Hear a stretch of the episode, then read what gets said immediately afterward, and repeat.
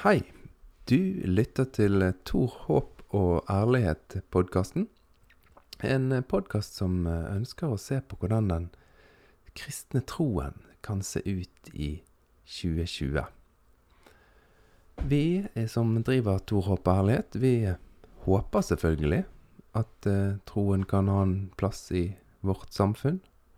Og vi forsøker å gjøre de hellige tekstene tilgjengelig for folk i dag.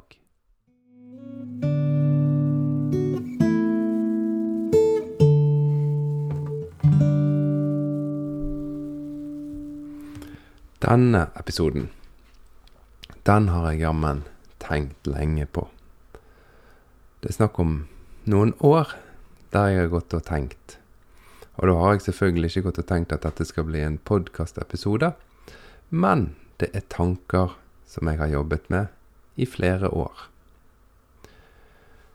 For deg som ikke visste det, så kan det kanskje høres litt rart ut, men jeg eh, hadde mange år der jeg tenkte at Bibelen, den tjukke boken der, det er Guds ord. Og så er det mange ting i Bibelen som er uhorvelig rare og forferdelige og ondskapsfulle og fantastiske. Og jeg tenkte at dette er Guds ord, og når det sto noen sånne ord som 'så sa Gud', eller 'så sa Herren', så tenkte jeg ja, ja, men da er det sånn. Og så tenkte jeg mest sånn 'Hvorfor sa Gud dette?' Men etter hvert som årene gikk med den tanken om Bibelen, så begynte jeg virkelig å kjenne på at det der går jo ikke i hop. Hvis jeg skal fortsette å si at Bibelen er Guds ord, så er det så utrolig mange ting i Bibelen jeg må hoppe over, eller late som ikke er der, eller la være å lese. Og så utrolig mange lange bortforklaringer med hva som egentlig var meningen med de ordene. Og så merket jeg at nei, vet du hva, dette blir for meg uærlig. Jeg er ikke sann når jeg sier at jeg tror at Bibelen er Guds ord. Så denne episoden, den har jeg kalt 'Hvorfor gjør vi dette mot Bibelen?' Det har vært min arbeidstittel. Og jeg har prøvd å finne ut av det. Hvorfor i all verden begynte vi å kalle den boken for Guds ord? Som en sannhet om en hel bok? Er det en tanke om at Gud er en forfatter som har skrevet noen ord og sendt de via mail eller papirfly til noen mennesker, og så er det en oppskriftsbok på hvordan vi skal leve livene våre? Ja, i så fall har Gud endret seg fryktelig mye og han har endret seg i takt med tid, kultur og livssituasjon for de som mottok disse brevene fra Gud. Og jeg har begynt å innse og tenke at ingen av oss som har sagt at Bibelen er Guds ord, på ekte tenker at det er Guds ord. Og det skal jeg komme tilbake til, og det skal denne episoden handle om. Og så er det nok noen nå som tenker ja, men herlighet eh, Hvordan er det mulig å være så dum i hodet og tenke at en gammel bok kan være Guds ord og liksom en instruksjonsbok for livet? Er du helt teit? Skal du lage en podkast om at du endelig har skjønt det som vi alle har skjønt lenge, at denne boken er gammel og ubrukelig og bare tullete religion? Ja, men da håper jeg også du vil høre denne podkasten ferdig. For det rare er at i den prosessen av å lande på at nei, vet du hva, dette er jo ikke skrevet av Gud. Dette er mennesker i ulike tidsaldre som har prøvd å uttrykke sine tanker. Så har jeg også oppdaget at den boken, den inneholder så mye som etter mitt syn er nyttig og sunt og bra for oss å kjenne til. det kommer du Jeg er helt sikker på at hvis du henger med ut denne episoden, så kommer du til å tenke ja, det der var jo faktisk litt interessant. Dette var litt tøft. Men jeg vil bare at du skal stille deg noen spørsmål sjøl før vi går videre. Og nå forutsetter jeg, i tankene her, at det finnes en skaper. Det finnes en kraft som er større enn oss. En som er umulig å forklare, en som er umulig å lage et bilde av. En som ikke er bundet av noen fysisk kropp eller størrelse. Noe som er. Noe som er aktivt, noe som er iblant oss, noe som omslutter og er alt. Det forutsetter jeg. Og så kan du nå tenke nei, da er dette bare eventyr og tull. Nei, men det vet du ikke. Det er jo ting som vi ikke vet. Det er ting som vi aldri kan bevise. Det er ting vi kan tenke og føle og kjenne, eller ikke kjenne. Men nå forutsetter jeg det.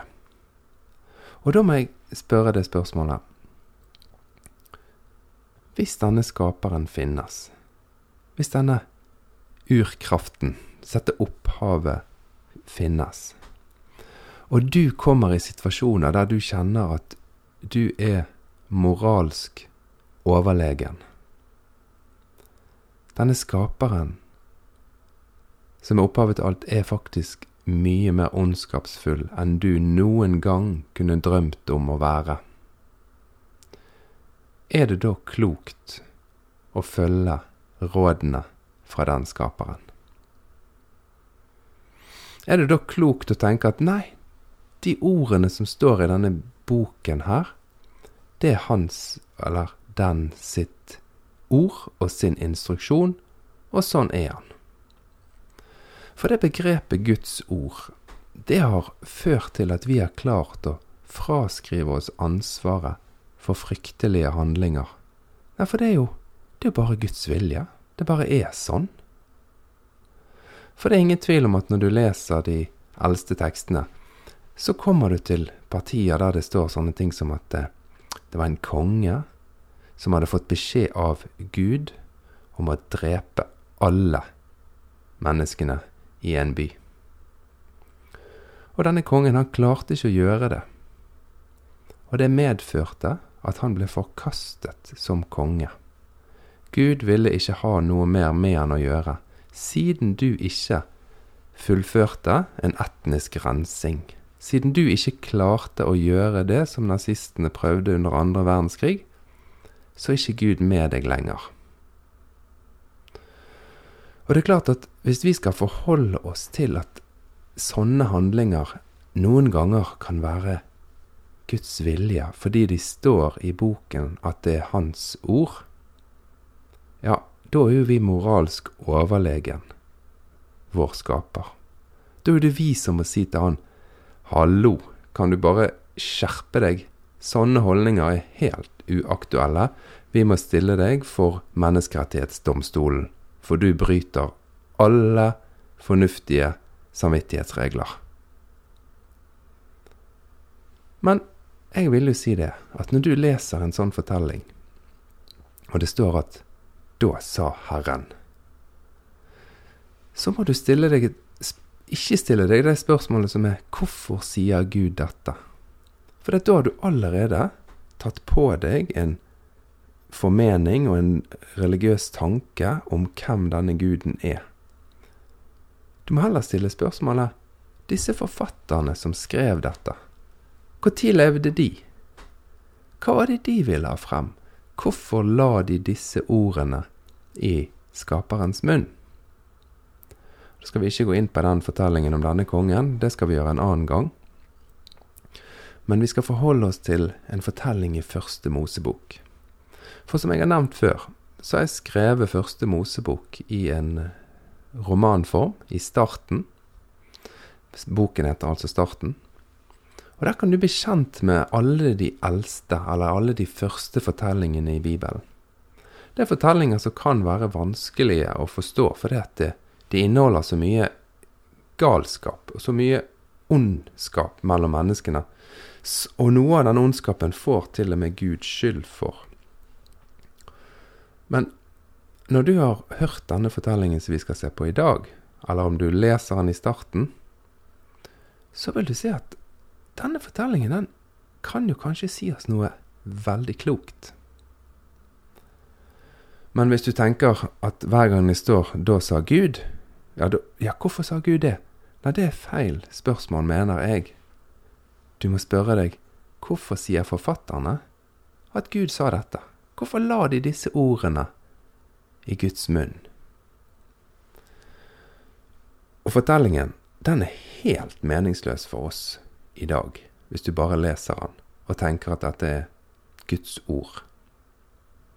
Men heldigvis så fins det noe som heter arkeologer, som har gravd og leitet og funnet informasjon som gjør at vi kan forstå hva disse forfatterne prøvde å si oss. Og før vi går inn i det, så må du være med på enda en tanke. Jeg vet at dette var mange tankerekker, og det krever litt eh, at du følger med, men vær med på denne tanken her. Hvis jeg skriver en fortelling i dag, så er det så masse fakta og helt vanlig informasjon som jeg vil utelate, fordi at jeg vet at du vet hva det betyr. Helt enkle ting som Jeg stikker bort på butikken og handler noe mat, jeg. Jeg tar heisen ned og tar med meg bilen, møter deg utenfor. Altså, helt sånne vanlige ting som vi sier, inneholder jo egentlig masse informasjon som ikke blir sagt. Jeg stikker bort på butikken og handler noe mat. Det er en kjempeinformasjon. For det har ikke alltid vært butikker. Og hvor kommer den maten fra som er tilgjengelig i disse butikkene? Hvordan fungerer logistikken for å få kålen inn i den butikken som jeg går og handler på? Altså Det er en enorm informasjon som du ikke tenker over, for det er selvfølgelig i dag. Og samme når jeg sier at jeg tar heisen ned, tar bilen ut, og så møter jeg deg der. Ja, det er jo Jeg ville jo aldri begynt å forklare hva en heis er, hvis jeg skrev dette i dag. Ja, da går jeg Åpner jeg en dør og går ut og trykker på en knapp, og så åpner det seg en dør, og så går jeg inn i en metallboks som er festet i en vaier, og så blir jeg firet ned ved hjelp av en stor elektromotor. Elektrisitet, det er dette, dette. Altså, det ligger en enorm pakke med kunnskap som bare er i deg, og som du catcher med en gang jeg sier 'jeg går ut, tar heisen ned og kjører'. Og det må vi være klar over, at når vi leser Bibelen, så er dette tekster som ikke er skrevet i går. Dette er tekster som er skrevet i sein bronsealder, tidlig jernalder. Ofte handler tekstene om hendelser som skal ha skjedd noen tusen år før de ble nedskrevet. Og noen ganger når vi leser Bibelen, så oppfører vi oss som om det har vært noen til stede med et GoPro-kamera og et lydopptaksutstyr, og fått med seg alt som skjedde, og så er det bare skrevet ned. Sånn som når vi kommer inn i en historie nå der det står 'Da sa Herren til Abraham' Ja, var det noen til stede der? Var det noen som filmet? Kom det en stemme? Kom det en person? Kom det en skygge? Kom det en kraft? Eh, eller var det bare Abraham som var der aleine? Og disse som skrev den fortellingen, 1500 år etter at Abraham, eller 2000 år etter at Abraham skal ha levd, hadde de et opptak av samtalen? Og hørte de i så fall stemmer? Eller Ja, du skjønner. Bibelen, den er skrevet av helt vanlige mennesker som levde i en helt annerledes tid enn oss. Og det er vanskelig å skjønne noe av Bibelen hvis ikke du vet hvilken tid de levde i når de skrev. Det var ingen til stede med GoPro-kamera. Det var ingen til stede med lydopptak. Og det var ikke sånn at Gud til stadighet stakk ned på jorden og pratet med menneskene. Og dessuten, hvor kommer det bildet fra? At Gud kommer ned? Hva er ned? Hva er opp på denne kloden? Hvor kommer det bildet av at det fins noe forferdelig under oss? Vi vet jo det, at det er ingenting under oss. Og vi vet også at det er ingenting over oss, og vi vet til og med at det er meningsløst å snakke om opp og ned i universet. Men det visste ikke de når de skrev. Vi vet til og med at solen ikke beveger seg over himmelen. Men det er klart at de som skrev salmene og snakket om Guds storhet og beskrev om at solen går over himmelen, de visste ikke det. Men det vet vi nå. Og jeg syns ikke det er et problem at de ikke visste det, men det er klart at hvis Gud har skrevet denne boken, så er det et problem at vedkommende, skaperen, ikke visste at vi faktisk beveger oss rundt solen. Så til historien. Det fortelles eh, i første Mosebok kapittel 15 at Abraham er veldig redd for fremtiden. Har du noen gang kjent på det? Du bekymrer deg for fremtiden. Begynner å stresse og kave. Og vi som eh, har en kristen tro, vi har også hatt en sånn bekymring for at troen skal bli ødelagt, og vi må stå fast og si at Bibelen er Guds ord, og presse gjennom at alle skal bekjenne troen på Guds ord. Og selv om vi kjenner inni oss at nei, det kan jo ikke stemme, for Gud er jo ingen drapsmann, Gud er jo ikke en som drukner mengder av mennesker, så holder vi fast på at jo, dette er Guds ord, og det skal leses så bokstavelig som mulig. Men det fungerer ikke sånn. Vi trenger ikke bekymre oss for fremtiden. Gud, han forsvinner ikke. Om han finnes, så tåler han ganske mye kritikk. Hvis skaperen eksisterer, så er skaperen klok, og vi trenger ikke å frykte for hans eksistens. Abraham, det han bekymret seg for, det var det at han hadde ingen arvinger. Han sier at han kommer til å dø barnløs, og i hans samfunn var det å dø uten barn det var meningsløst. Hva var poenget med livet hvis ikke du hadde noe å gi, noen å gi det du hadde opparbeidet, videre til? Og så sier forfatteren at siden Abraham var så redd, så kom Gud og snakket med han. Igjen var det noen til stede med kamera. 2000 år tidligere, før de skrev dette her, disse som skrev disse her fortellingene om Abraham, hadde de liksom førstehånds lydopptak av samtalen? Eller det, legger de noen ting inn i denne fortellingen for å si oss noe? Og i så fall, hvis de prøver å si oss noe, er det noe som er verd å ta med seg? Og det som Gud sier til Abraham her, er jo interessant. Han sier da, når Abraham er redd for fremtiden, hent en treårs kvige en treårs vær, en treårs geit, en turteldue og en dueunge. Og det er jo det typiske svaret du vil ha hvis du er kjemperedd for fremtiden. Ja, Frank, du er skikkelig nervøs, ser jeg.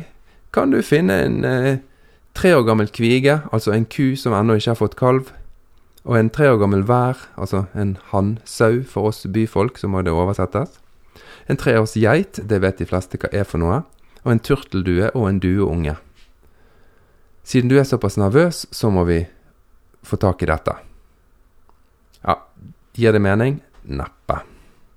Men det står ingenting i denne fortellingen om at Abraham lurte på hva han skulle med disse dyrene. For Abraham han visste tydeligvis hva han skulle gjøre med de dyrene. Så med en gang Abraham får de dyrene levert fra, fra tjeneren sin, så dreper han de. Og så går han i gang og deler de og han deler ikke de opp i mørbrad og indrefilet og videre. Nei da, han deler de på langs. Han bare kløyver kroppene i to, i lengderetning. Sånn at du får to halvdeler som er liksom delt fra ryggsøylen og ned til buken. Midt igjennom. Og for deg som er vokst opp eh, midt i tjukkeste byen, Han var knapt klappet en ku. Men du klarer kanskje å forestille deg hvor stor den kuen er. De er svære. Og her deler han den i to. Og så tar han og legger de på bakken, noen meter fra hverandre, de to halvdelene, med magesekk og innhold og alt mulig, opp i dagen. I solsteiken. Og så, når han har gjort det, så fortsetter han, og så deler han væren i to. Og så deler han geiten i to. Og så legger han duen og turtelduen og duungen ned på bakken. Sånn at det blir en gangvei mellom disse dyrene. Og igjen, utgangspunktet her Abraham var kjempenervøs for framtiden. Ja, Tor, dette er Guds ord, så dette må vi gjøre når vi er nervøse. Det er bokstavelig, og det er riktig, og det er skrevet sånn. Så neste gang du er redd for framtiden, skaff deg en kvige, en vær, en geit, en turteldue og en dueunge. For det vil ta vekk frykten. Nei, det er ikke sånn vi kan lese denne fortellingen. For her er det masse informasjon som, som forfatterne vet, og som forfatterne forventer at de som leser, vet hva betyr. Abraham han fortsatte med dette her opplegget. For det, er det som skjedde, står det her, at når han hadde lagt ut disse dyrene i solsteiken, i varmen i ørkenen der, så begynte det å komme fugler for å spise naturlig nok innvoller og alt mulig greier som siger ut av disse dyreskrottene som er delt på langs. Og Abraham han begynner å løpe og styre og prøver å jage vekk de fuglene. Og holde liksom området rent, eller det blir jo helt feil å si, for det er sikkert et forferdelig søl av blod og skit og innvoller og avføring fra dyr. og ja, det ser nok helt forferdelig ut, og han prøver å holde fuglene unna. Og så skriver forfatterne noe fascinerende. Det står det at da sørget Gud for at Abraham falt i søvn. Og mens Abraham sov tungt, så kom det en flamme og beveget seg mellom dyreskrottene. Igjen, det er ingen som filmer dette her, det er ingen som er til stede. Dette er en fortelling som skrives ned tusener av år etter det skal ha skjedd. Men disse forfatterne de sier at flammen beveget seg mellom dyreskrottene mens Abraham sov. Og da kan du si, Tor, denne boken, du skjønner hvorfor jeg sier at Bibel, religion, det er bare noe tøys. Ja, men vent litt. For det er disse arkeologene, da, jeg mener det var på 1800-tallet, som drev og gravde i områdene nede i Midtøsten, og finner leirtavler med kileskrift som forteller om hvordan en inngikk kontrakter på den tiden så denne fortellingen ble skrevet. Og hvordan tror du de inngikk kontrakter? I dag ville jo jeg sikkert tenkt umiddelbart ja, bank-ID på mobil. Ja, bare sender linken, så klikker jeg meg innpå, og så signerer jeg med bank-ID. Og hvis ikke du overholder avtalen din, så kan jeg ringe politiet, for vi har en kontrakt. Men sånne ordninger fantes jo det ikke da. Så hva gjorde de når de inngikk en kontrakt? Jo, de visste det at gudene Gudene var farlige. Så de delte disse dyrene i to når en skulle inngå en kontrakt og gjøre en handel bytte land eller bytte dyr eller sikkert også bytte døtre mot ja, giftermål. Og når de hadde delt disse dyrene sånn, så stilte de som skulle inngå kontrakten, de stilte seg opp ved enden av den veien som gikk imellom disse dyrene som lå der som slakt langs, langs den gangstien de hadde laget. Og så gikk de sammen igjennom det forferdelige opplegget. Og så sa de, må gudene la det gå med oss, sånn som med disse dyrene, dersom noen av oss bryter den kontrakten som vi nå inngår. Dette er kunnskap som var selvsagt når disse fortellingene ble skrevet, men som selvfølgelig ikke er selvsagt for oss. Ja, men Tor, hvorfor sier du at dette er verdt å kjenne til? Jo, vent litt. Hør, hør tanken helt ut. For hva er det disse forfatterne sier her? De sier at her er Abraham fryktelig bekymret for framtiden. Og disse folkene som sitter og skriver, de skriver også fordi at de er fryktelig bekymret for framtiden. De sitter i fangenskap. Hele folket er bortført. Hele kulturen og religionen er ødelagt. Så de skriver til sine folk som lever vekke fra sitt eget land og sin egen gudsdyrkelse, at han som vi er etterkommere av, han var også livredd for framtiden. Men da sa Gud, la oss skrive en kontrakt, for jeg skal passe på deg. Og da styrte han på med mye greier for å holde fugler unna, for å hindre at denne her kontraktsseremonien skulle forstyrres. Men Gud han kom først og viste seg som en flamme når Abraham hadde sovnet. Oversatte dagens språk skal du inngå en kontrakt med Gud, så er det bare én signatur på kontrakten. Det er bare én av partene på kontrakten som plukker opp mobilen og signerer med bank-ID-en. Den andre, den bare får alt. Det er en ganske stor livsvisdom hvis du skal tenke at du skal gjøre noen avtaler med Skaperen. Så er din del det å legge deg ned og sove. Du har ingenting å tilføre Skaperen.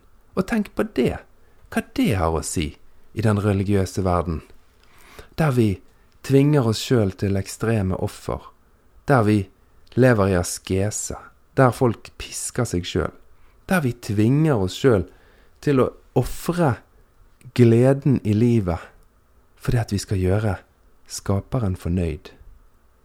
Så sier disse forfatterne, da, at vet du hva, du kan styre så mye du bare vil. Du kan løpe rundt for å sikre deg en avtale med Gud. Men det eneste du kan gjøre for å lage avtale med Gud, det er å legge deg ned og sove. Ikke interessert i dine offer. Ikke interessert i at du skal plage deg sjøl for at han skal være glad. Du har ingenting å styre på med. Du skal ikke det. Når du bekymrer deg for framtiden, så kan du stole på at Skaperen er med deg. Skaperen vil deg det beste, og det finnes ingenting som du skal ordne opp i og holde på med for at kontrakten skal signeres. Det er faktisk ikke plass til din signatur på kontrakten, for kontrakten, den er helt ensidig signert. Dette var bare et lite eksempel på at de gamle fortellingene de kan si oss ganske mye. Men da må vi skjønne at det er folk som har skrevet de. Det er folk som har skrevet de i sin kultur og sin samtid. Hvis vi begynner å tenke at det er skaperen som har sagt dette ordrett, og sånn skal vi leve, sånn skal vi prioritere, da blir hele den boken ganske så meningsløs. Og da ender vi opp med å plukke ut noen få kapitler og noen få vers som inneholder noen strenge dommer overfor enkeltmennesker. Helst dommer som ikke treffer oss. Da ender vi gjerne opp med å tenke at eh, vi har valgt ut disse versene, og det er Guds ord. Og vi må bare si at det er Guds ord, og derfor så gjør jeg dette onde mot disse menneskene. For dette er ikke meg som vil det, men det er Gud som vil det. På den måten så føler jeg at vi gjør Bibelen til noe ganske sånn dumt. Noe merkelig, og til en unnskyldning for dårlig oppførsel. Kanskje vi heller burde ta opp igjen denne gamle boken og så ser jeg at uh, disse folkene, disse forfatterne, de skrev også ting som at når det kommer en fremmed og vil bo iblant dere. Da skal du behandle han som en av dine egne. Kanskje vi kan se det at disse folkene, de jobbet. Jobbet med tankene, jobbet med moralen. Og så kan vi se fremskritt som menneskene har gjort, i forståelse av hverandre, i forståelse av menneskeverd. Et eksempel til, for det er veldig ofte lettere å forstå sånne tanker hvis vi ser på andre religioner. Når vi forholder oss til vår egen religion, så blir vi litt redd. Men når vi ser på andre religioner, så er det lett å ha en mening. Hvis jeg forteller deg at eh, når Koranen ble skrevet på 700-tallet eller noe sånt, så var lovene rundt kvinner De var ganske progressive. De skapte en bedre situasjon for kvinnene enn det som kvinnene hadde på den tiden når Koranen ble skrevet. Den sørget for eh, arverett for kvinner, f.eks. Men hvis noen sier til deg i dag at jeg mener at Koranen er Guds ord, så vi må gå tilbake til den ordningen som Koranen foreskrev på 700-tallet. Så tenker du, er du helt hakka spinna gal? Ja, men det var jo en forbedring i kvinners rettighet når den Koranen ble skrevet. Ja, det var et fremskritt da, men det ville være et kjempestort tilbakeskritt å skulle innføre det nå. For det at forståelsen av likeverd og menneskerettigheter, den har vokst litt og litt. Når vi tar Bibelen og bruker den som en begrunnelse til å gå bakover i tid, og gå bakover i moral, og trappe ned på likeverd og trappe ned på likestilling, da føler jeg at vi håner den jobben som mennesker før oss har gjort. Vi håner den kampen som folk har kjempet for mer rettferdighet, for jevnere fordeling, for likestilling. Hvis du plutselig nå skal si at nei, Guds ord sier at kvinner får ikke lov å være ledere, ja, da går du tilbake, istedenfor å se det at i bibelsk tid, når Nytestamentet er beskrevet, vår, det som vi kaller Nytestamentet, vi som er protestanter, eh, og vi som er kristne, kaller det for Nytestamentet. Altså, de fremskrittene som ble gjort da, med at sentrumet for hele vår tro, Jesus, var med kvinner, snakket med kvinner, behandlet kvinner likeverdig med menn, det ville være en hån mot det fremskrittet som ble sørget for gjennom Bibelen. Å gå tilbake til den tiden. Det er jo en oppfordring om å gå videre. Leite etter nye grupper som er utestengt, nye urettferdigheter som trengs å bli utlignet. Folkens, denne skriften, den har mye å si til oss. Men hvis du tenker at den er Guds ord, så ødelegger vi Skriften. Men hvis vi skjønner at det er mennesker som har søkt og leitet og prøver å si oss ting, da er den ganske meningsfull. Og husk det, når du kjenner at du må ofre og du må plage deg sjøl for at skaperen vil være fornøyd. Ja, allerede for en del tusen år siden så var det forfattere som skrev det at når du skal inngå en avtale med Gud, så har du ingenting å tilføre. Da må du legge deg ned og sove. I neste kapittel så prøver jo Abraham likevel å ordne opp, selv om han har skjønt, ifølge disse forfatterne, at han må sove og ikke blande seg. Men i det neste kapitlet så blander han seg virkelig. Og det går jo helt galt. Men det er en annen episode. Tusen takk for at du lytter på Tor Håp og ærlighet. Jeg håper du syns det er interessant. Det kommer mer gjester, og det kommer flere fortellinger fra de gamle tekstene. Og jeg håper du vil være med på tankene og følelsene.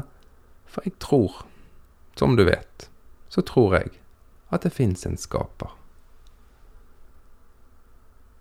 Og da håper jeg at du vil være med meg og se om vi klarer å finne ut noe om den skaperen.